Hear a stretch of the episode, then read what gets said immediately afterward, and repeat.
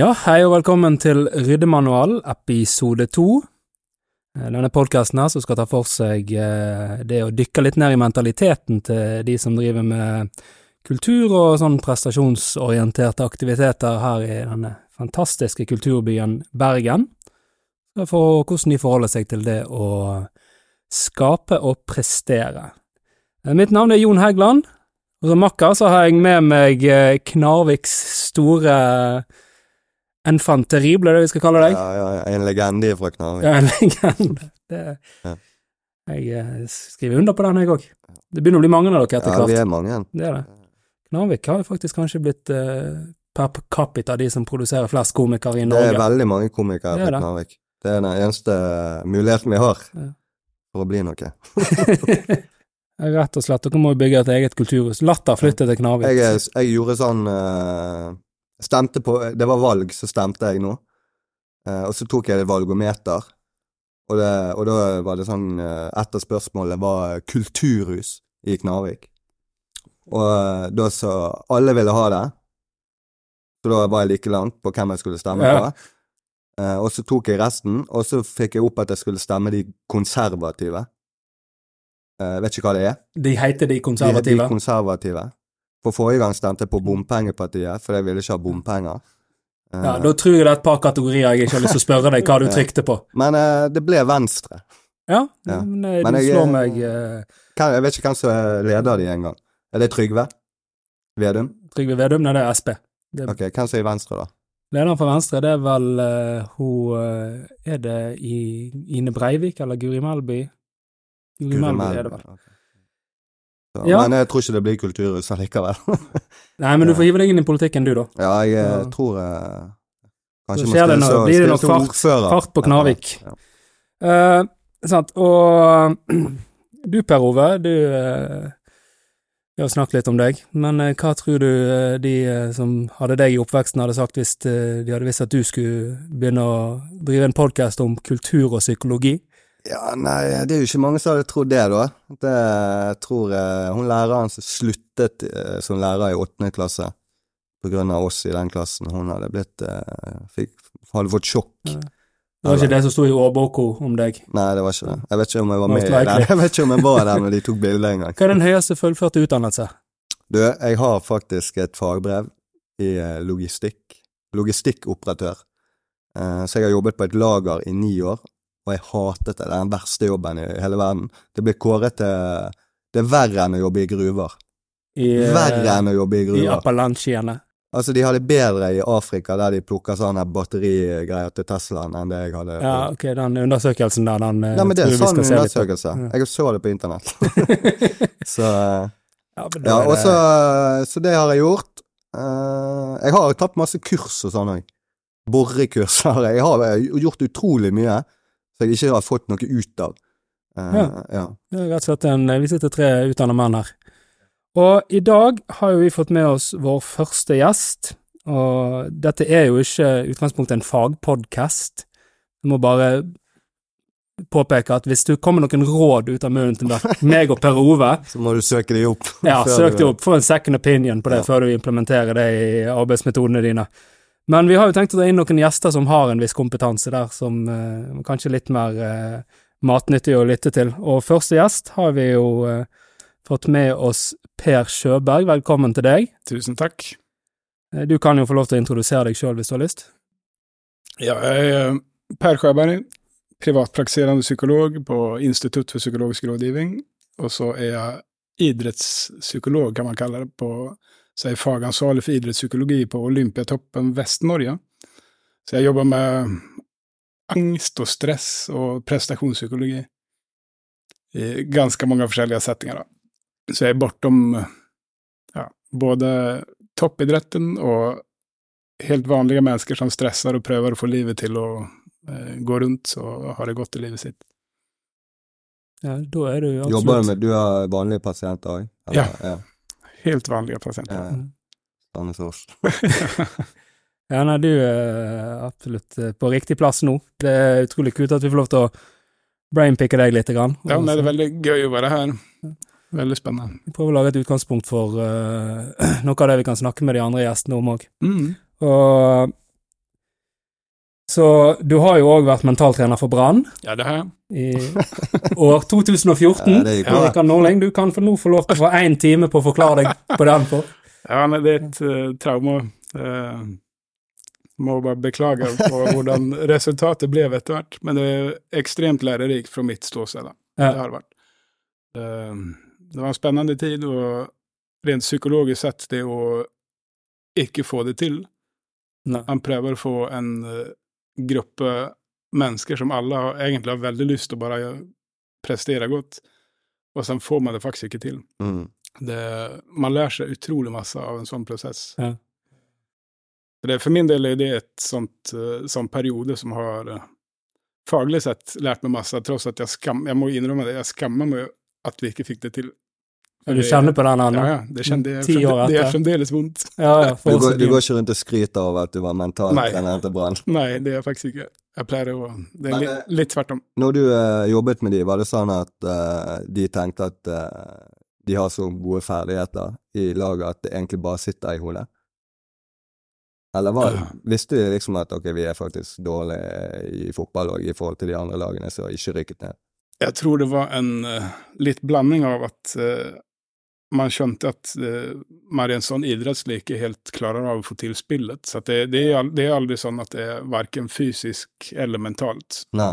Utan det her sitter jo Ja, det er begge delene, men det er helt tydelig at eh, så som spesielt i Brann, der når det er så enormt press fra publikum Ja, for det er vel ingen andre byer i, i, i landet egentlig som har så stort press og Kanskje ikke så samla. Altså, du har jo, I Oslo så har du kanskje Vålerenga, Klan, Ja. men her er det jo på en måte hele byen. Jeg tenker jo at I det året så lærte du vel kanskje like mye om bergensmentaliteten.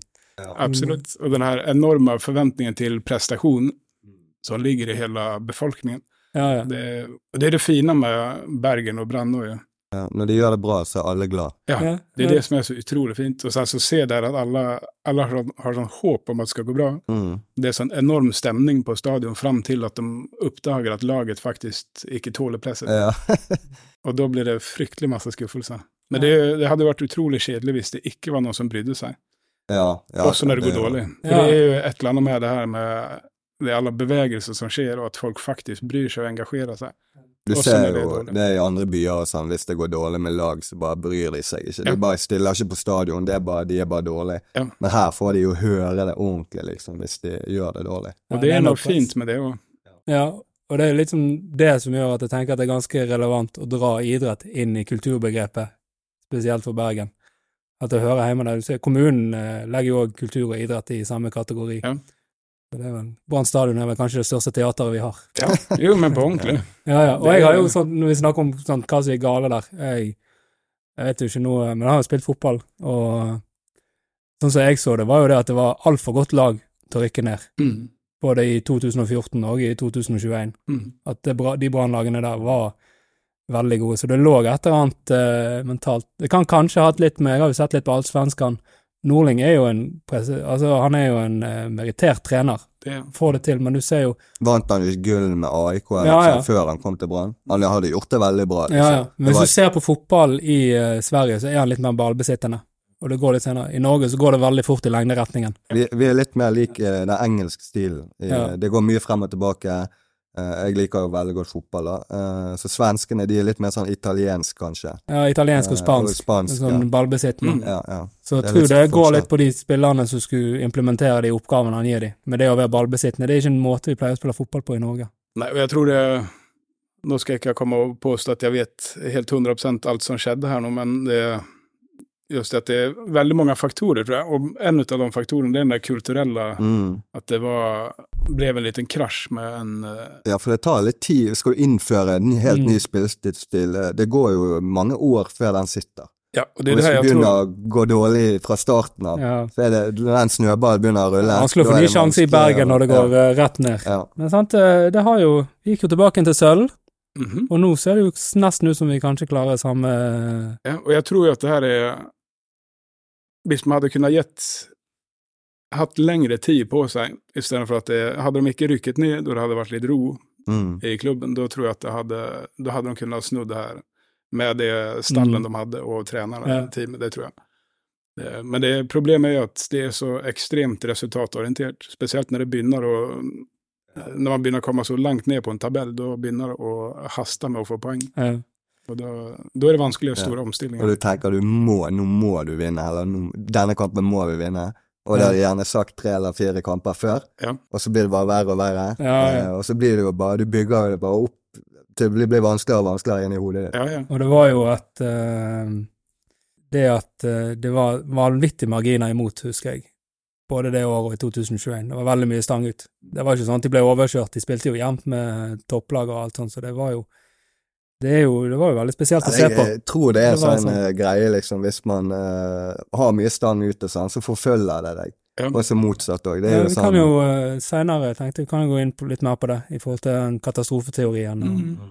det er sånne andre prinsipper. Men uh, uh, jeg har jo utdannelse som idrettspedagog og bort på OIB, og samtidig som så driver med standup og driver med musikk.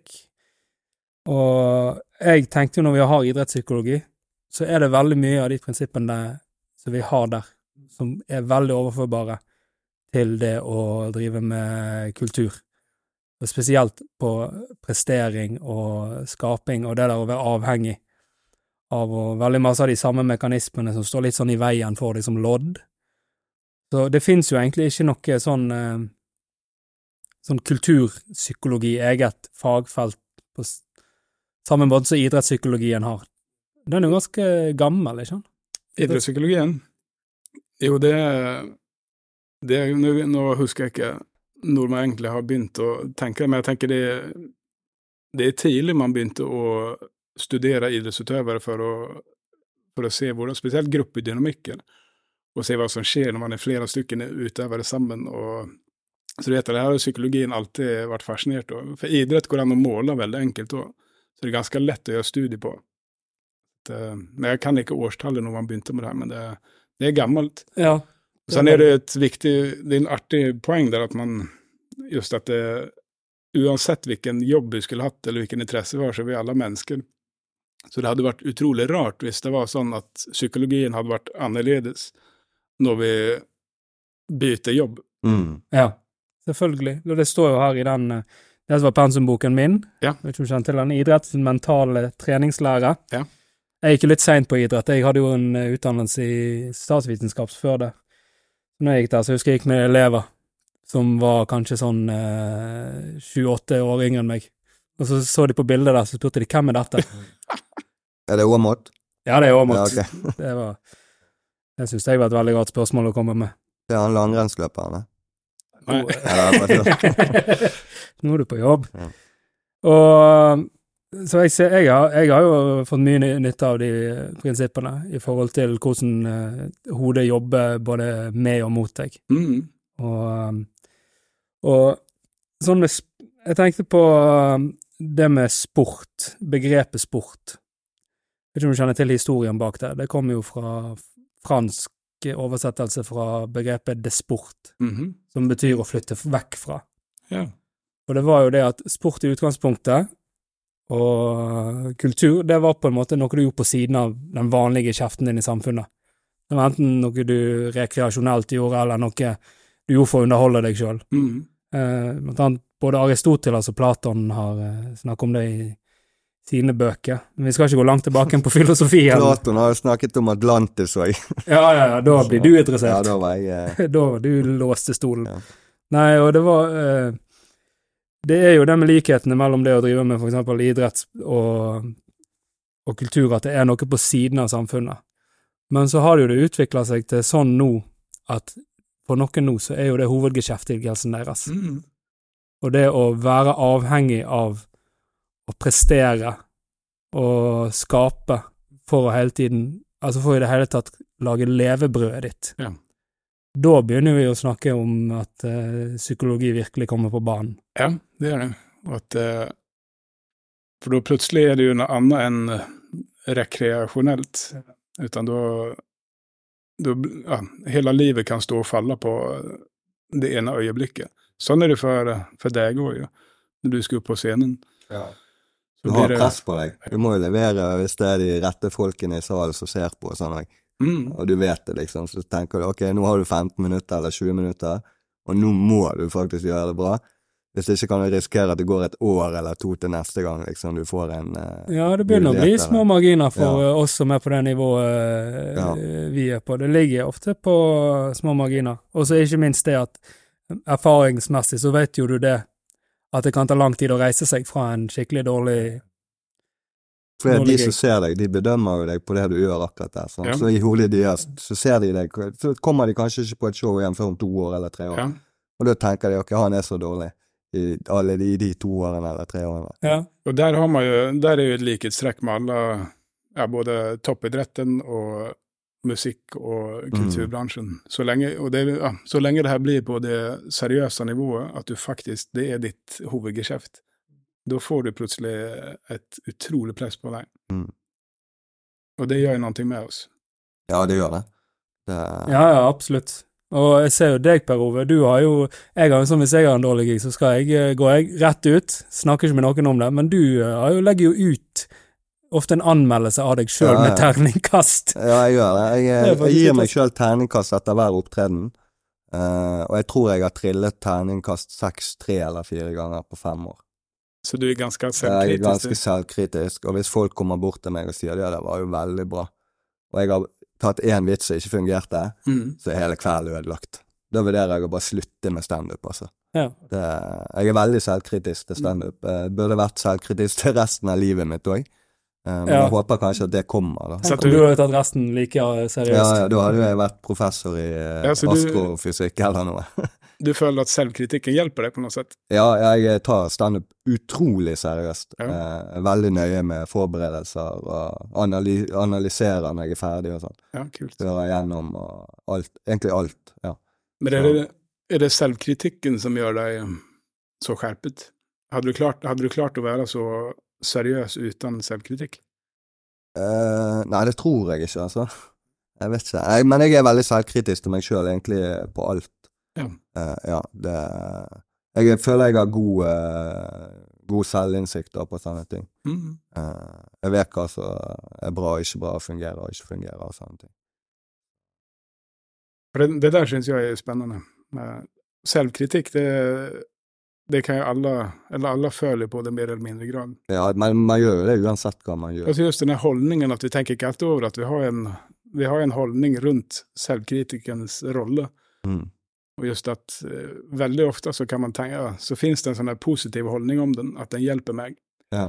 Og sen eh, er den også den verste fienden. Ja, det det, er den som, ja, det er den som får deg til å ikke ville stelle deg på en scene hvis du har gjort det dårlig. Ja, Ja, ja, og du ser jo, der, der får, du blir jo bedømt ja, på scenen, og- men du bedømmer jo deg veldig hardt i ditt ja, ja. eget hode. du gjør det.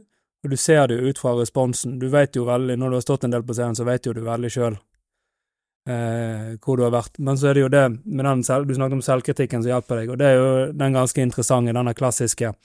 Er det hva som, om det, hva som driver deg? Er det lysten til å lykkes, Ja. eller er det frykten for å mislykkes? Og det er, det er der man kan se på selvkritikken, hva den egentlig passer på. Mm. At den er jo, i all hovedsak i hvert fall, virker det som at det, den er mest motivert for å ikke mislykkes. Ja. Så du prøver på å ikke drite det ut. Mm. Og det ofte er det ganske ubehagelig tilstand å være i, og sen hjelper det Ja, svært. det er det. det, det hjelper svært lite for å lykkes. Ja. Det er det her som gjør at vi kan kverke. Mm. At vi, vi kan kjenne at det går ut på scenen eller fram i prestasjonsarenaen, og sen uh, blir du helt tom og svart. Du Ja. aner ikke hva du skal gjøre der. Nei. Men hvis du eh, kan bruke selvkritikken og snu den om til et verktøy, sånn så Du går vel hjem og jobber? når du- Ja da, jeg, hvis jeg, ja, jeg er veldig sånn eh, hvis det, har, det går jo ikke alt, det går ikke til helvete, for å si det sånn, da. men hvis det har vært middels eller prøver noe nye sånn, og det ikke fungerer helt, så sitter jeg meg ned kveld, samme kveld eller morgenen etterpå og skriver det om og jobber med det, liksom. Ja, så da, bruker du det nu til å motivere faktisk eh, Ja, atferd ja. som kan hjelpe deg. Ja. Ja, jeg har jo Som sagt, eh, jeg har jo drevet med standup eh, egentlig mye lenger enn Per Ove. Eh, men når jeg gjorde det, så var vi for det første vi var litt færre. Nå har det kommet opp veldig mange, både her i Bergen og Oslo har eh, Det er mye konkurranse nå. Ja, det har kommet mye Mm. konkurranse, så jeg har jo egentlig ikke begynt å jobbe før kanskje de par eh, siste årene. Der har jeg begynt, nå har jeg begynt å skrive og jobbe, og jeg merker jeg får jo veldig mye ut av det. Mm. Før var jeg mer sånn at jeg bare jeg tenkte ut settet i hodet. Så hadde, for jeg har eh, Jeg har en teori som eh, Eller ikke en teori, men eh, du har en, en av mine favorittkomikere som heter Mark Maron. Jeg vet ikke om du har hørt om han? Han eh, Ja, det håper jeg. Du driver med standup. han er en av verdens største podcaster som heter What the fuck, eller WTF, veldig gammel. Mhm. Han, blant annet, han fikk jo Barack Obama, blant annet, når han var president Kult. på han. Og han har en sånn vits på et show som jeg kjente meg Grunnen til at han er en av mine favoritter. Han er ikke den jeg ler mest av, men jeg kjenner meg veldig igjen i mentaliteten hans. Han hadde en sånn bit der han eh, sa det at han, han har ikke forberedt seg. Mm. Fordi at eh, hvis han ikke forbereder seg, kan han tenke at hvis han gjør det bra Ja, jeg er et geni. Mm. Ja. Men hvis han forbereder seg Nei, men eh, hvis han gjør det dårlig, så kan han si ja, men jeg har ikke forberedt meg Ja, likevel. Du sikrer deg begge veier. Ja, for jeg var litt redd, for jeg har alltid gjort det helt fint. Alltid egentlig gjort det bra på scenen. Men sant, jeg har jo hatt livet mitt ved siden av med jobb og barn, så jeg har jo egentlig aldri satsa. Men jeg var litt sånn, hadde litt den frykten for at hvis jeg begynner å jobbe skikkelig, mm. så er jeg litt redd for den følelsen av å fremdeles bare levere på liksom det samme nivået. Ja, Nei, men det, det det handler om hvordan vi tilskriver eh, suksess, eller eh, altså hva er det som får meg til å lykkes, og, eller hva er det som eh, får det til å ikke lykkes. Så det vi Hvis man forbereder seg altfor mye, da er det fort gjort at du knytter det til at det gikk godt, nå gikk det bra fordi at jeg er så flink på forberedelse. Det er ikke jeg som er god, utan nå er det Mm. forberedelsen som er bra. Mm. Det er et sånt trekk jeg kan se både med eh, folk som skal holde presentasjoner, eller eh, i toppidretten, så kan man se det at du kan føle at du har ganske lav eh, selvtillit eller selvfølelse, tross at du gjør det bra. Du tilskriver eh, suksessen til eh, faktorer som ikke har med deg å gjøre. Ja. Eh, Så det å være bevisst på det der og kunne stoppe litt opp, og sen så som det du får en terningkast seks av deg sjøl eller Ja. andre, det å kunne se at det er, det er faktisk jeg som er artig, eller jeg er god på et eller annet. Eh, Det er utrolig viktig. Ja, eh, det, det er vel det, det som kalles operant betingelse. Ja, det, ja, det er noe annet, men det, ja, Ja, det, at man- ligner litt at du når du, når du oppnår noe bra, Ja, så, til, så, så, så tar du og øh, legger, vektlegger de tingene du gjorde før, mer. ja. Så hvis du gjør det dårlig, så gi- gir du de tingene i forberedelsen du har gjort, mindre verdi. Ja, så at du kan uh, Operant beting, det er jo det med at du At du skjønner at eh, hvis A skjer, så skjer B. Ja. Så at det finnes en uh, logisk rekkefølge, eller en konsekvens. Konsekvens av handlingen, det du gjør. ja. For du har jo Per Ove, du har jo en litt interessant uh, metode du har benytta deg av. Jeg vet ikke om du kjenner til den? Den, den er veldig populær, da. Manifestasjon. Manifestasjon, jeg driver ja. på med manifestasjon. Eh, jeg har ikke lest så mange bøker, men jeg har sett mange dokumentarer. Ja. YouTube. Ja, YouTube. Eh, nei, så jeg har jo en, en vegg, da, eller det er døren min, da. Mm. Så jeg henger opp bilder og, og sånn på, så jeg, så jeg vil oppnå, da. Mm. Så hver morgen når jeg går ut og banner og hater livet mitt og skal på jobb, så ser jeg på det, eller de bildene jeg har, Mm. og så tenker jeg en dag nå har du, du har i hvert fall det du skal jobbe mot. Ja. Det skal skje. Så da, tenk, da har jeg begynt å tenke på det fra allerede jeg står opp og går ut døren, at dette skal jeg oppnå.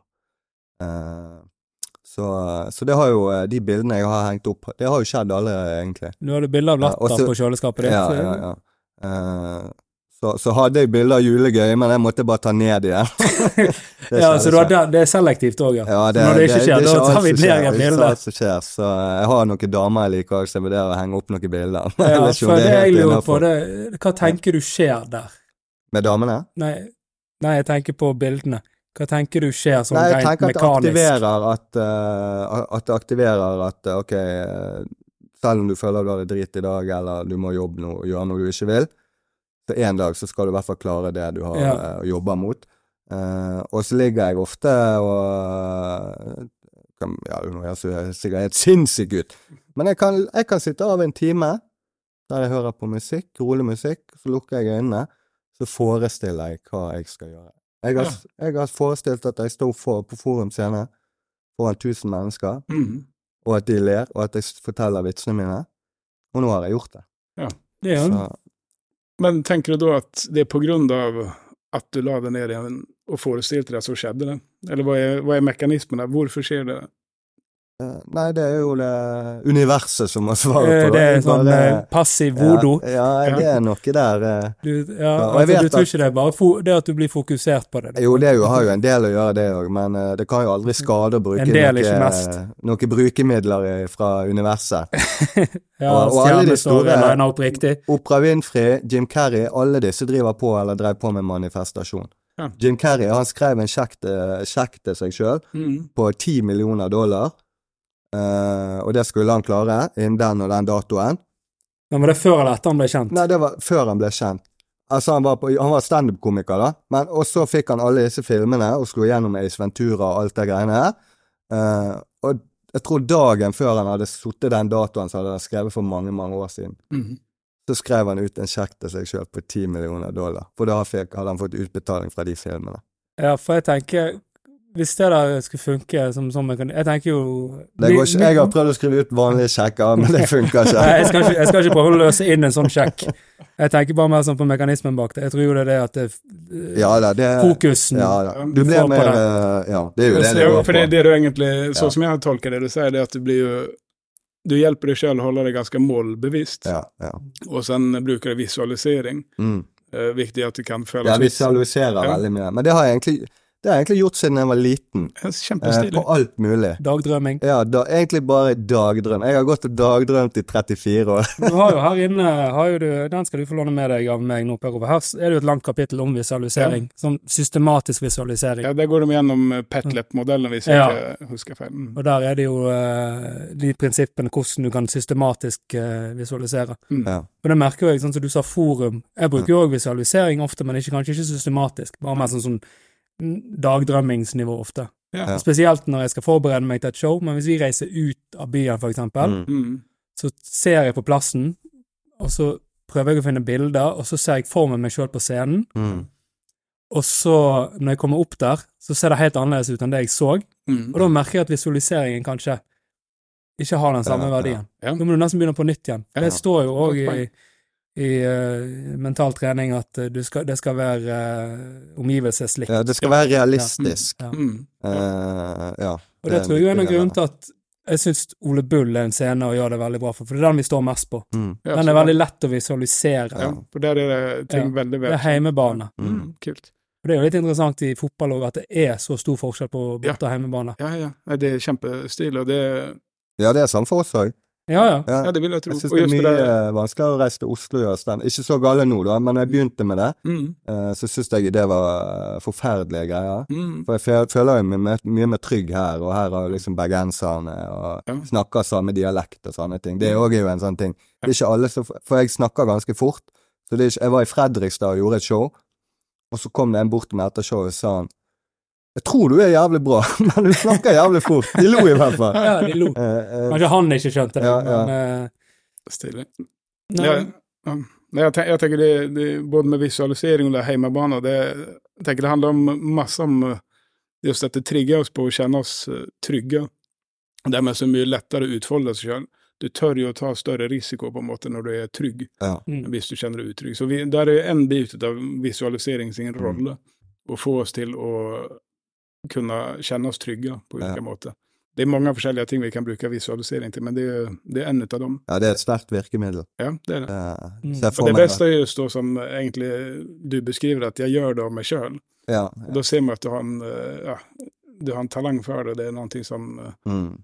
sannsynligvis er lurt å bruke. Jeg tror jo at eh, manifesteringen av latter hovedsakelig gikk på at du er veldig morsom. Ja. Ja, Derfor du fikk ja, ja, ja. Ja, ja. Hadde på kjøleskapet ditt, der kunne du sikkert hatt bilde av Colosseum for den del. Ja. Jeg lurer på hvordan det fungerer hvis det er sånn, hvis det hadde vært universet, sånn passiv uh, type voodoo. For da kunne jeg tenkt meg, da ville jo jeg ha et uh, bilde av Dag Sørås på Skal vi danse. ja, ja, ja.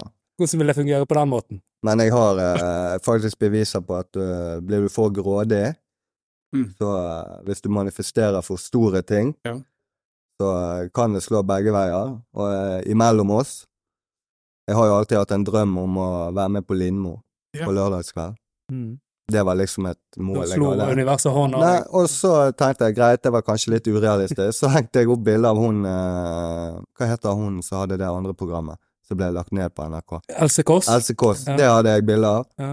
Og så gikk det to uker, så lå de ned programmet. Hva er det nå, da? Ja.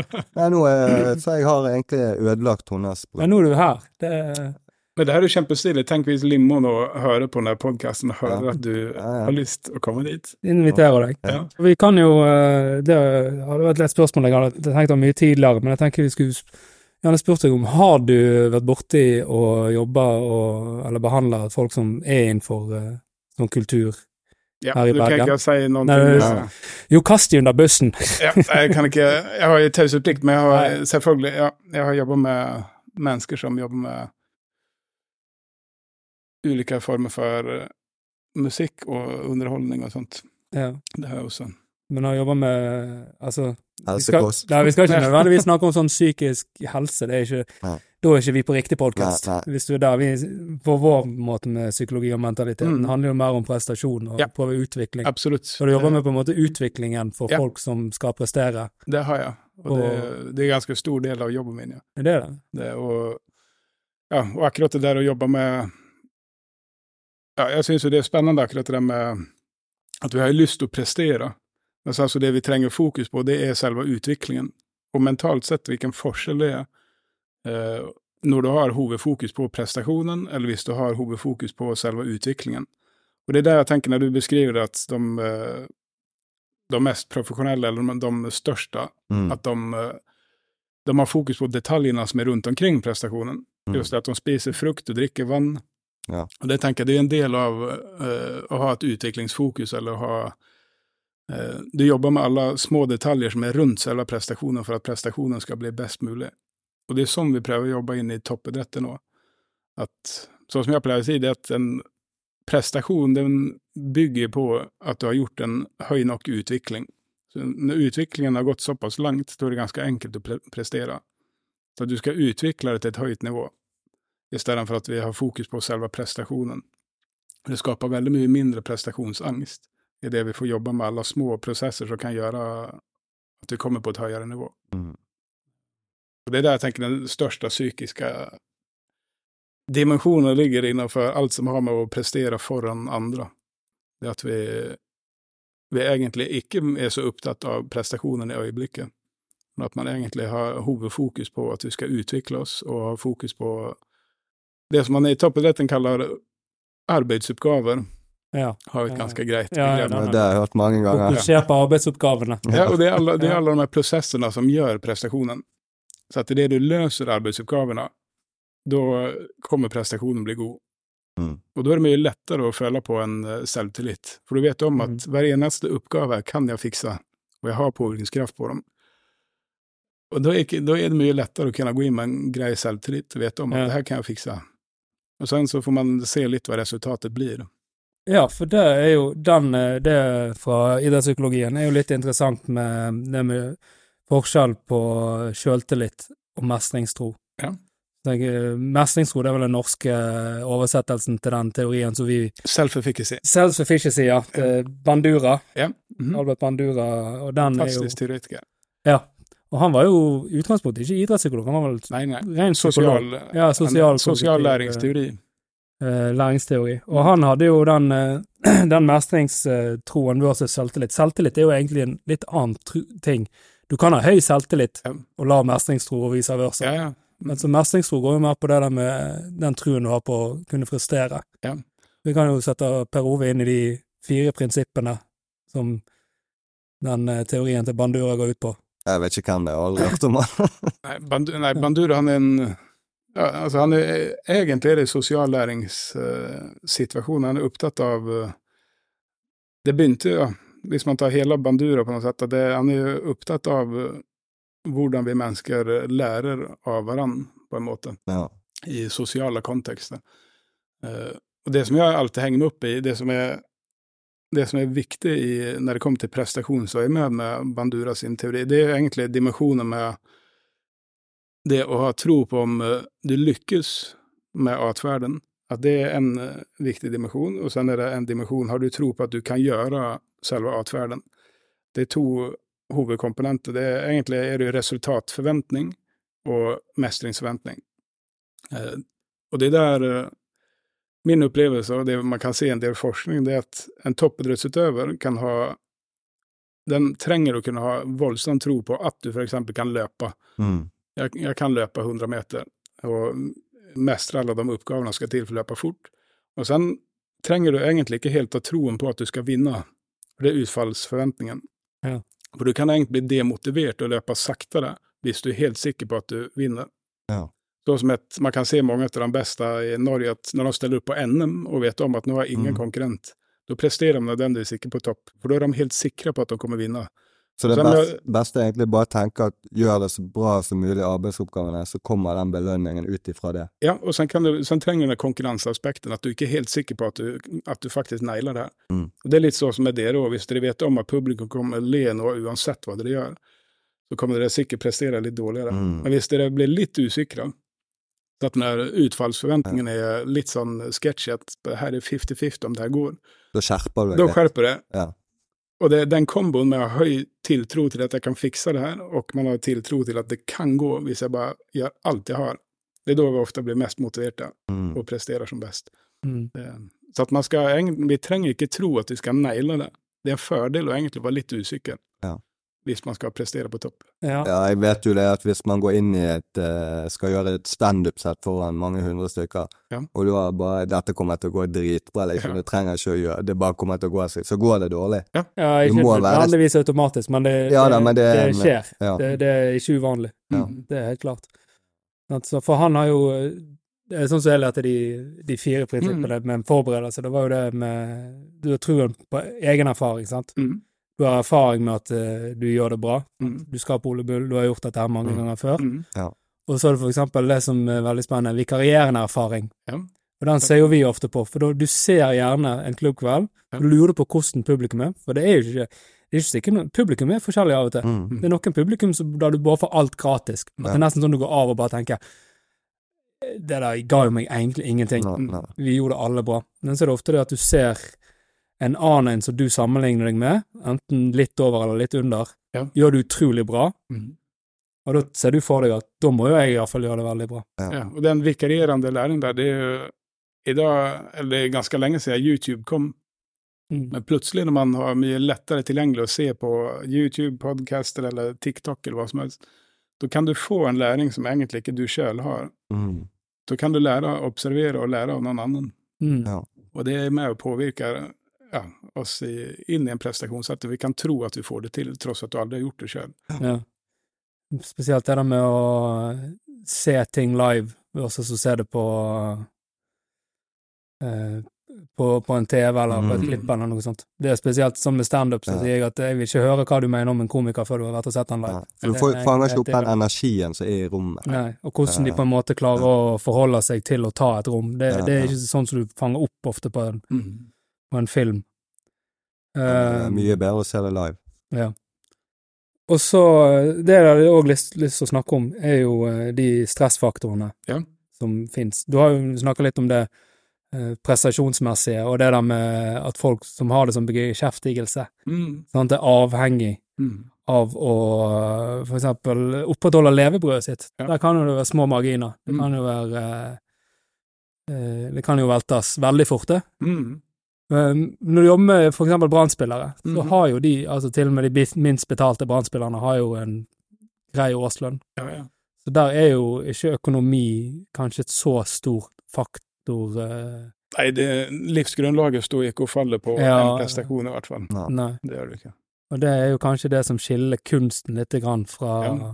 Men det fins jo for eksempel individuelle idretter Mm. der det er utrolig forskjell. Ja, ja. Det er utrolig forskjell for den som er nummer fire i et langrenn, Og Det er den som er best. Og de er vel veldig mange av de mindre idrettene er jo de avhengig av at de har sponsorer og Sponsorer, sånn, for ja. å få det til å gå rundt i det hele tatt. Ja, og det er det når du Hvis du vel får trigget den eh, det fokuset inn i en prestasjon at du på den negative konsekvensen som kommer komme, da merker du tydelig at stressystemet reagerer på det. Så naturlig nok så blir vi jo Hvis vi tror at det er neg potensielt negativ konsekvens av det vi skal gjøre, og vi er litt i tvil om vi kommer mestre det, da kommer du få en stressrespons. Uh, og det er her du kan se en Så når du bare snur fokuset bitte, bitte litt, så kan det endre helt utrolig hvordan det er på innsida. Mm. Men når vi står den der om at vi faktisk er opptatt av den negative konsekvensen, at det får vi ikke unngå.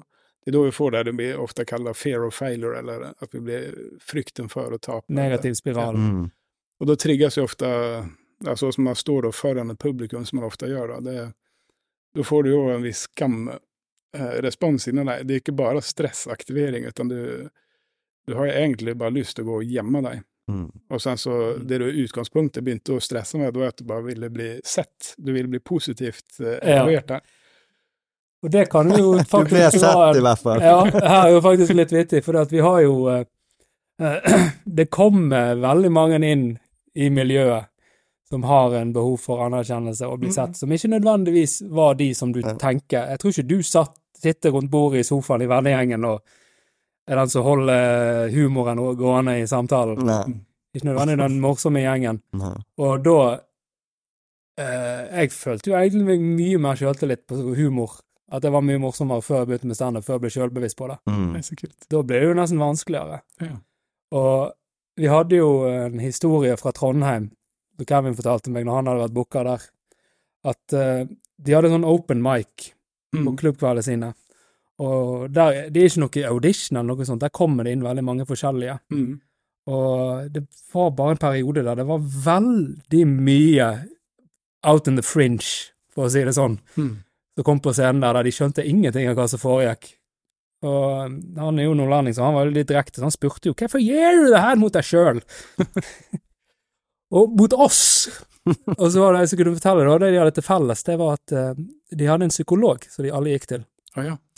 Og dårlig sjøltillit er jo en ganske uh, gjen, gjen, altså gjenganger av symptomer Mm. for folk som eh, gjerne besøker psykologer. Mm. Og det var ene forslaget at hvis du har dårlig sjøltillit, eksponeringsteori, eller eh, Terapi. terapi, gå Skriv deg opp på en open mic på en klubbkveld. Ja. Han måtte jo ringe til han og si at jeg vil du kan ikke sende dem. De blir jo bare verre. For det at det tror jeg Hvis du har eh, meg og Per Ove, vi vil jo ikke ha mer konkurranse. Hvis du har dårlig sjøltillit Jeg kan ikke med, i god tro anbefale standup eh, som, Jeg ville tro som at første post å gå til. Du kan begynne med bussen. Du kan begynne med bu- ta bussen. Det Ta blir bussen Så, til standup-show og se du kan få fem minutter etter noen år med busstur. ja. Ja, men jeg ville tro det at eh, som eksponeringsterapi, da er nog standup perfekt for å just det, få lov å vise at du skammer deg, og at du får den angsten som Mm. er aktivert. Det tror jeg er veldig effektivt, men du skal ikke bygge selvtillit nødvendigvis. Nei, det det. tror jeg tror jeg ikke man skal gjøre. Men selvfølgelig, det er jo folk som snakker om dårlig selvtillit. Ja. Men så du, som denne skammen som du sa du kjente på fra Brann, det er jo sånn at vi vet jo det at utviklingsmessig så tenker jeg det er viktig å ha fokus på arbeidsoppgavene. Du kan jo selvfølgelig, du kan vinne en fotballkamp med dårlig prestasjon, du kan Mm. tape en fotballkamp med fantastisk Ja. prestasjon, du kan gjøre det dårlig på en scene og få god respons, Mm. Og gjør det kjempebra på en scene og får ingen respons. Mm. Sånne ting skjer, men Ja, det, det. du kan jo ikke basere en hel karriere på flaks og uflaks. Nei. Nei, det nei. går ikke. Jo mer, eh, jo bedre utviklingsfokusert du er på arbeidsoppgavene, Ja. jo større mulighet vil jo det være. Ja, Helt klart. Over Og- tid. Jeg tror det er veldig lett for for eksempel at mange gjør en dårlig jobb. I begynnelsen så var, det kjenner sikkert mange komikere seg igjen i. Så er det sånn, gjør du en dårlig jobb, så går du ut derfra bare jeg, aldri, jeg har aldri vært morsom, jeg er imposter syndrom, og, Mm. Mm. og, og den, den skyller liksom over deg. Ja. En veldig sånn uh... Jo, den imposter syndrom, det er jo fascinerende med at vi... Altså det, det er nesten vanligere i alle presta, altså i prestasjonssettinger at man får den opplevelsen. Det handler om at man er Du får en frykt for at du skal bli avslørt, at du kan egentlig ikke det här. Och det er kjempegøy. Jag, jag har kjent på det sjøl òg. Eh, men at det... Og at vi liksom aldri skal lære. At nå har folk faktisk evaluert deg. Du Ja. burde være trygg nå. Ja. Du er god nok, du Ja, du har vist at Ja. du er Og sen, upp, sen opprettholder vi det her likevel. Mm. At uh, det er ikke helt sikkert at jeg er god nok. Eller det, det er uansett at når jeg Det var bare flaks frem til nå, eller Ja. der, eh, det tenker jeg var en grei overgang, for jeg, jo, jeg sendte jo deg en sånn video. Ja. Som jeg, som jeg vet ikke om du har sett den. Det er en video som er litt viralt på nettet nå, som heter High Run. Som, eh, hvis du ikke har sjekket den ut, så anbefaler jeg iallfall å sjekke den ut eh, hvis du driver med kunst eller eh, noe. Eh, for den videoen der, det er jo en eh, Jeg kan gi en introduksjon. Det er en musiker som eh, Han var signert på Sony, og så ble han plutselig veldig sjuk rett før han skulle gi ut debutalbumet sitt, og det er veldig mange år siden. Og så ble han på en måte feilbehandla for alt mulig, sånn ME og fibromyalgi og alt sånn der. Ja, ja, det var vondt i ånden, nesten. Mm. Og de fant det ikke ut, men så ble han diagnostisert med borreliose, da. Mm. Jeg vet ikke om du Er det ekte? Er det en Ja, ja. ekte ting? Ja, det er den du får av flått. En grusom sykdom. Jeg vet ikke om du behandler noen som har Nei, det jeg, psykologisk har jeg ikke så mye å bidra med Nei. mot selve sykdommen. Nei. Eh, Men jeg har, behandlet, jeg har møtt en hel del mennesker som har hatt det. Da. ja. Det går ikke an å bli frisk av det, eller? Jo, du kan jo, bli frisk, men den kan vare og spesielt feilbehandling. Kan Det er antibiotika som er Men er det vanskelig å finne ut om du har det? Nei. Nei. Nei, og antibiotika tar han ofte, men jeg vet om folk som har hatt det, og det, det kan jo ødelegge liv i det, Ja, ja. i det verste. Så han har Og han hadde en sånn sang der han gjør Eminem har jo gjort det sjøl i uh, noen sanger. Det har blitt gjort på en måte sjøl, der han har en dialog med seg sjøl. Ja. Og den onde siden og den gode siden av seg sjøl. Og det, det er ufattelig gjennomført gjort, syns jeg. Ja, det var det. Det var det jeg har reagert på Ja. når, du, når, når jeg så den videoen du sendte. For jeg fikk, også, jeg fikk assosiasjon til det men jeg, det var, så jeg ble mest opptatt av hele han, karakteren, han fyren. Så Ja. utrolig god han var. Ja, det er skuespillet i Ja. og det er one take. Eller nei, det, det er tre takes, men så er klippet sammen i de beste. Men det er jo live. Ja, det var både dypt innhold og sen eh, en fantastisk prestasjon. Altså framføringen ja. gjorde. Det Ja, ja. Han er en utfattelig dyktig musiker, det skal han absolutt ha. Men Mm. han har den derre Han sitter og, og, og tar og hva skal man nedevaluere seg sjøl. Ja, den indre kritikeren. Ja, den indre kritikeren. Og så drar han det litt sånn ut Han drar jo det fra seg sjøl og ut i nesten sånn bibelske proporsjoner òg. Mm -hmm. han snakker om at eh, opphavet til Gud, er Gud og yin og yang, og Ja. hele, hele denne dualismen som Ja. fins. Kanskje det er litt av opphavet til at den dualismen fins mm. i alt mulig fra gammel litteratur til moderne Ja. filmer og sånt, denne antagonisten og protagonisten. Mm. Men så syns jeg han på slutten drar det opp det som jeg virkelig fikk ut av det, da var jo det at han snakket om at det ikke er en Jeg har jo hatt den kampen sjøl, Mhm. På alle mulige måter. Mm. Som komiker, musiker og som menneske, som lærer, alt Mm. mulig. Eh, der du føler at det er noe du må bekjempe. Mm. Du må bekjempe den negative siden av deg sjøl, mm. og de negative tankene. Ja. Du må på en måte rydde de av veien, Ja. så vil ikke de finnes lenger. Men det er jo det at de, de, de kan jo ikke utraderes, Nei, for det er jo det er en del av deg. det er en del av deg, Kjempegøy. og det går på en måte som en sånn pendel. Ja, og det Ja, hvis man løfter det på litt større Så det her er jo en sånn menneskelig eh, Menneskelig vanske vi har på noe sett, og utfordring, det at vi kan ikke flykte ifra det, tross at det føles ut som det er vondt. Men det just at en del av lidelsen, eller det vonde, ligger på noe sett i at vi faktisk prøver å kvitte oss med det. Mm. At uh, idet vi klarer av å møte det på en litt annen måte, Ja. så kan vi godt ha det Altså, vi kan ha det ganske greit med litt negative og kanskje litt sånn småkritiske tanker også. Vi trenger ikke rydde dem vekk. Ja. Den prosessen der, for det er det han egentlig på en måte setter litt Mm. ord på. Og nei, det her jobber man masse med i terapi, Ja. og, men det er relevant for alle mennesker, også de som ikke eh, føler behov for terapi på noe sett. At jeg tror alle kan kjenne seg igjen der. Ja, det er det for, for min del kom han veldig på et sånt veldig perfekt tidspunkt, for jeg hadde veldig sånn Jeg følte at denne negativiteten liksom hele tiden Du kjenner deg sjøl, du vet hvordan det er. Du har ideer, Mm. masse tanker i hodet, ideer og sånn, men du Du vet du kommer ikke til å fullføre dem. Ja. Og jeg tror uten den videoen, så tror ikke vi hadde sittet her i dag Nei, og hatt en podkast. Altså, jeg tror ikke jeg hadde fått operasjonalisert denne podkasten her ut. Så jeg ikke hadde det burde på ikke hvilken måte var det du endret uh, endret holdning liksom til deg selv, eller? Ja, det var det å ikke gå i krig med meg sjøl, på en måte. Ja, Som noe jeg skulle bekjempe, men jeg aksepterer det som en del av meg sjøl. Og så blir jeg veldig tilgivende overfor meg sjøl når jeg har negative tanker om meg sjøl, Ja, og skjønner det at de høres veldig sanne ut. Ja. Men grunnen til at de høres sanne ut, er for at de kommer jo fra kom meg, og du kjenner deg sjøl Mm. bedre enn alle, akkurat som Eddie Alt er sant. Alt Ja, er sant. alt er Helt sant. jævlig. Alt Ja, er sant. ja, for du vet akkurat hva for knapper du skal trykke på. Ja.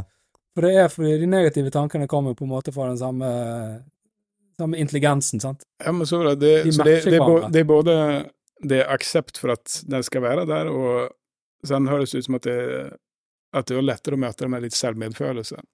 Ja. Oppi det. Ja.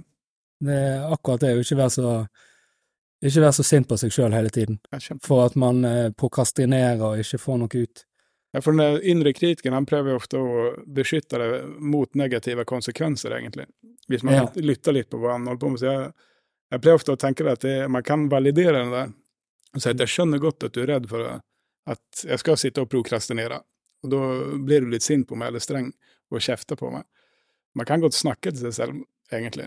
Just det å kunne gjennomskue den kritiske stemma. Mm. At den vil jo egentlig bare passe på en. Det er ikke sikkert at den har lyst på å være ond eller Nei. Gjøre så at det Nei, jeg skal tror jeg har fått uh, Altså, du kan bruke den som verktøy òg. Jeg tror det er mange ganger jeg har hatt en idé som jeg tenker Dette her hadde vært utrolig kult å prøve på scenen. Ja. Ja. Og så kommer liksom uh, dunk, dunk, dunk, Bare høre den der som banker høyere og høyere på. Det Hør her, det er det dummeste Ja, ideen deres i. Så tenker du uff, jeg er glad jeg ikke gjorde det. Problemet mitt er at den stemmen her sier bare gjør det. ja, ja, men det er det som skal skape deg, eh, Per Ove. Ja, veldig bra. Og det er jo Ja, for vi var jo uh, innpå det med Du snakket om eh, med toppidrettsutøvere, hva de eh, eh, med, med psykologien Mm. Det er jo vel det som at attribusjonsteori. Ja. Og det er attribusjonsteori, det er altså hvordan vi tilskriver mening, eller tilskriver eh, ja, hvordan konst, ja, hva det er som fører til hva. Litt sånn som du attribuerer uh, suksessen til at du har satt opp uh, bilder på Ja, det er ingen, ingenting av Nei, er min er suksess er min eh, nei, det. Det er alt det universet, universet som har styrt Din det. innsats der Det er er ingen innsats, irrelevant. ja, Ja, ja. Ja. Og det er jo det, sånn som jeg husker fra studiene, var jo det i attribusjonsteori at det som går igjen ofte på toppidrettsutøvere, Mm. er at de er veldig flinke til å beskytte selvtilliten sin. Ja. Med å, når det går gale, så peker de ofte på Det kan virke veldig barnslig for oss utenfra. Jeg kjenner jo igjen for eksempel de der ti år gamle topp, altså fotballgutter som er Mm. veldig flinke, Mm. og så skjer det et eller annet. De bommer på en straffe eller noe sånt, så er det «Øh, akkurat når jeg skulle skyte, så ropte jo du noe. Ja, ja, det er litt sånn, det er veldig barnslig. ja, men det Men det beskytter selvtilliten. Ja, Ja. så det her er jo en balansegang, da. Det Mm. å kunne ha evnen til å kunne beskytte selvtilliten mot eh, når det skjer dumme ting. For der sier man, ja, det, det, det kan alle mennesker kjenne til igjen, det med hvis man er litt nedstemt eller føler seg litt dårlig, da plutselig så får du ofte skylda, altså av deg sjøl. At går det dårlig, ja, da er det et eller annet du har gjort som har fucka der til. Har man, veldig, har man det bedre eller god selvtillit akkurat der og da, da er det mye lettere å kunne just det der, automatisk kunne tilskrive at nå gikk det dårlig fordi det var han som gjorde et eller annet dumt. Det er ikke jeg. Ja. Ja. Og da er det mye lettere å opprettholde en eh, selvfølelse eller positiv selvtillit eh, også når det går galt. Men sånn er det samme ting når det går bra. Mm. Så er det eksakt samme fenomen som skjer. Ja, ja, ja, det er nettopp det. opp- opprettholde negativ selvbilde gjennom å alltid tilskrive suksessen til noe annet enn deg sjøl. Mm. Eller kjøleskapsmagneter eller Ja, ja. noe sånt. Sant det. Og så er det jo noen som har en selvtillit som er nesten sånn uproporsjonal, men eh, at det nesten føles som det er dysfunksjonalt, men kanskje det er veldig funksjonelt. Jo, men det, det er det her jeg syns er litt spennende, da. For det, det hjelper jo ikke å ha en altfor høy selvtillit for noen. Det Det er veldig Det er kanskje ett eksempel som eh, bekrefter regel. Unntaket som bekrefter det, er jo det landsmannen, fotballspilleren eh, Zlatan Ibrahimovic. Ja, ja. Jeg så jo nettopp nå er det en sånn der historie som går litt, som jeg har fått opp et par ganger i feeden, om Ja. at uh, den der med han og Arsenal, jeg vet ikke om du har hørt den? Ja, Fortell gjerne. Wenger ville eh, ha han til Arsenal, Mm. og han kom. Og han hadde fått en drakt med Zlatan på ni og alt sånt. Wenger har sagt OK, hvis du kan få lov til å komme på en uke på trial. Mm. Og Zlatan bare I don't do trials. Og så hadde han bare dratt. Ja, det stemmer. Og det er jo sånn du er 19, Han var 17 Det var, år. jeg gå- gikk fra Malmö til Ajax. Jeg ville jo tenkt at det der er helt Det der er dusjfunksjonell sjøltillit. Ja, ja. Men samtidig så er det jo kanskje Akkurat med han er det jo kanskje den sjøltilliten Ja. som har holdt han oppe som fenomen. Nå- Nå kjenner ikke jeg Zlatan, men jeg tenker han eh, Så som jeg tolker han, så tenker jeg at han bygger en karakter. Ja. Jeg Han tror er han Han, det-. Ja, altså, jeg, er jeg tror at det her er en del av hele Ikke at han egentlig er avhengig av den selvtilliten for å spille. Jeg tror at det her handler Jeg tror det handler veldig mye om eh, hans av alle. varemerke. Ja. Ja. Image. Han, ja. image. Ja. At han bygger opp at han snakker om seg sjøl i tredje person. Jeg tror ikke han Ja, han gjør jo ikke det når han er hjemme med Jeg familie. håper ikke det, i alle fall. Da er jo han Det hadde vært spennende å Ja. observere hvordan det er rundt kjøkkenbordet. og se Ja. om- Ja. Om det er samme type. Vi Sitter sånn, sitter med frue og unger. Lage opp tredjeperson til ungene. Ja. Det hadde vært veldig gøy. Sånn der eh, type eh, Hva det heter Kardashians med Ibrahimovic. Ja. Mm. Nei, men det er med, når det kommer til selvtillit, er det at vi trenger jo tilliten til det du faktisk kan. Og det Mm. tenker jeg, det er, de, det er den som er funksjonell. At du må tro på det du faktisk klarer, og da føler vi oss gode nok. Og det er der vi egentlig søker, bare. Mm. De fleste av oss prøver ikke å føle oss sånn helt ekstremt bedre enn alle andre. Og det er til og med når du skal løpe i OL. Du trenger ikke å ha tro på at du er best i verden, men du har tro på at du kan løpe så fort som skal til for å kunne være best i verden. Ja. Det er bare en utilsikta konsekvens. Ja. Helt, ja, det, og det er akkurat det at det er faktisk bare en konsekvens. Å bli best i verden bare en konsekvens av eh, at jeg faktisk klarer visse Mm. ting. Mm. Ja, jeg tenkte på en annen ting. Jo, eh, du, har jo, du har jo jobbet terapeutisk òg. Dere, dere har vel ikke den hippokratiske ed i psykologien på samme måte som dere har i eh, Jo da. Dere har vel Ja, vi må, ja, Ja. vi må Så når Tony Soprano kommer inn til deg, da skal du behandle han? Jo da, vi, vi skal ivareta alle mennesker. Ja. Har, dere har du noen gang hørt om, eller vært borti selv noen sånne idrettsutøvere som er, som det vi snakket om litt i begynnelsen, så prestasjonsorienterte, Mm, at du merker at det begynner å nesten gå over i sånn patologisk, ja da. at man nesten må gå tilbake igjen og kutte, selv om prestasjonen er bra, Ja. vi tenker at nå må vi behandle mennesket her. Ja. Dette her går på en usunn vei. Jo da, og det å ha ulike usunne holdninger inn i, mot uh, idretten sånn, det forekommer jo hele Mm. Så det, det er ikke så uvanlig. Sen handler det om, ja, men jeg, det er som med alt annet, man prøver ikke å få et annet menneske til å tenke eller føle på en spesiell måte. Den handler om å være litt nysgjerrige sammen og finne ut hva som egentlig virker. Og det, for det finnes jo ikke en rett og galt. Det, det er sånn der at hvis man er ekstremt motivert bare til å vinne eller knuse andre, Mm. skal dominere Det høres ikke så sunt ut, så, men det, det er noe å anerkjenne det, at det, det er lov å Ja. ville bli Altså, hvorfor gjør du det der? Jeg skal bli best. Ja. Det er det eneste betyr at jeg skal være bedre enn de andre. Og jeg tenker, det, jeg jobber aldri for å endre det. Jeg er mer nysgjerrig på om, om det har noen negativ konsekvens, eller om det finnes en annen måte man kan gjøre på. Mm. Uh, For det er ofte ikke bare en positiv ting med å Ja. Ofte så oppdager folk at fasen, det gjør litt vondt også å, å holde på på den måten. Ja, vi har jo eh, Jeg, så en eh, dokumentar eh, Det er en del år siden, da. eh, Der de snakket om Michael Schumacher. Mm. Det var kjøreegenskapene hans i bil, vel å merke, de snakker om nå. Og de hadde sagt en sånn, sånn tester med reaksjon, fokus og på en måte mentalitet. Så hadde han scoret på en måte som de sa at eh, dette er en sånn score som vi kun finner igjen hos rable psykopater i fengsel og seriemordere og sånt. Det er liksom, det er nesten på samme Det er nesten der kun de som har. Den typen score som han hadde. Så han hadde sannsynligvis veldig lav impulskontroll på en eller annen måte, eller at han Ja. reagerte voldsomt kjapt. Mm. Det tror jeg nok han hadde, ja. Han, ja, han reagerte helt vanvittig. Ja. Hm. Jeg er alltid opptatt av det, spesielt i idrett, at det er idrettsglede. At det er også et mål det er å ha idrettsglede på det høyeste prestasjonsnivået. Og det tenker jeg det kan man jo oversette inn det å ha kunne nyte prosessen uansett hvor du er. For det, det blir ikke artigere når du er best, eller når du har nådd det der og er Norges beste standup-komiker. Det, altså det, det kan være like gøy å være i starten. Ja. Jeg Som det tror ja. eh, en kjempementalitet. Jeg merker jo eh, ofte har vært, når du har vært for fokusert på outcomen, Mm. at i kveld så skal jeg være best. Mm. Og så vet du at når folk går på deg som du, kanskje med vikarierende Mm. eh, eh, motivasjon, så ser du de at eh, eh, søren, de gjorde det bra. Men så vet du jo egentlig at hvis de gjorde det veldig bra, Mm. så er det mest sannsynlig at jeg kommer til å gjøre det veldig bra. Og det er egentlig bra for hele showet i helhet Ja, de gjør det bra.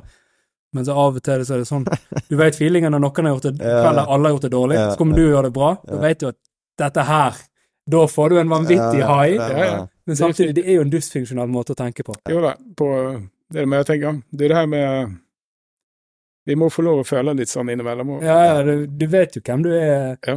Innvendig. Det er jo reptilhjernen fungerer jo på sånn som den gjør uansett. Sant? Mm. Den er jo eh, en liten asshole, Mm. for å si det.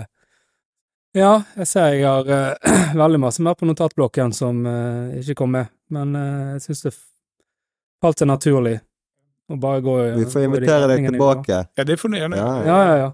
Det er absolutt eh, Ja, det er alltid gøy å få reflektere. Ja. Ja. Um, Så håper jeg at eh, de som eventuelt hører på dette her, eh, kan få litt inspirasjon ut av det. Ja. Jeg tror det er veldig mye verdi i det å høre folk formulere ting man har tenkt på sjøl, absolutt. og se det at uh... Jo, så det er bare å høre altså, Jeg tenker sånn at Hvis man er en komiker, og så får høre en annen komiker sette ord på et eller annet, så blir det plutselig mye mer greiere, til eksempel det å kunne ha en selvkritiker. Ja. Så plutselig så får bare Å, er det det jeg kjenner på? Og da plutselig ikke det så skamfullt. Nei. Og da kan de eh, tørre å si det til noen annen, eller bruke det. For det, det, ja, det, er mye verdi av å bare få bli validert. Vite om at fasen er noen annen som kjenner på det her, eller strever med det. mm. ja. Eh, Jeg gleder meg. Håper vi får inn eh, Eller vi får jo inn en god del andre gjester òg, Ja. som, som driver med ting. Presterer på alle mulige nivåer i Bergen. Og veldig litt spesielt å høre deres tanker. Ta Mm, med oss noen notater av eh, det. kjempeartig. Si veldig tusen takk. Du har, eh, må jeg òg si, du har en utrolig bra psykologstemme. Ja, så bra. Ja, Det er behagelig å høre på. Veldig sånn behagelig vesen. Så bra. Så eh, tusen takk til deg, Per Sjøberg, og dere som har hørt på. Og tusen hjertelig takk til Utetrend, som uh, gir oss tilgang til disse fantastiske lokalene her. Følg de gjerne på Facebook. Og Standup Bergen. Og Per Ove og meg. Kom gjerne på show på Ole Bull. Og ja Bestill deg en time hos Per Sjøberg hvis du trenger det. Jeg vet ikke, du har, har du full, full ja, Nei da, det er ganske fullbooka, men det er bare å ta kontakt. Ja. Men da sier vi bare takk for oss. Tusen takk.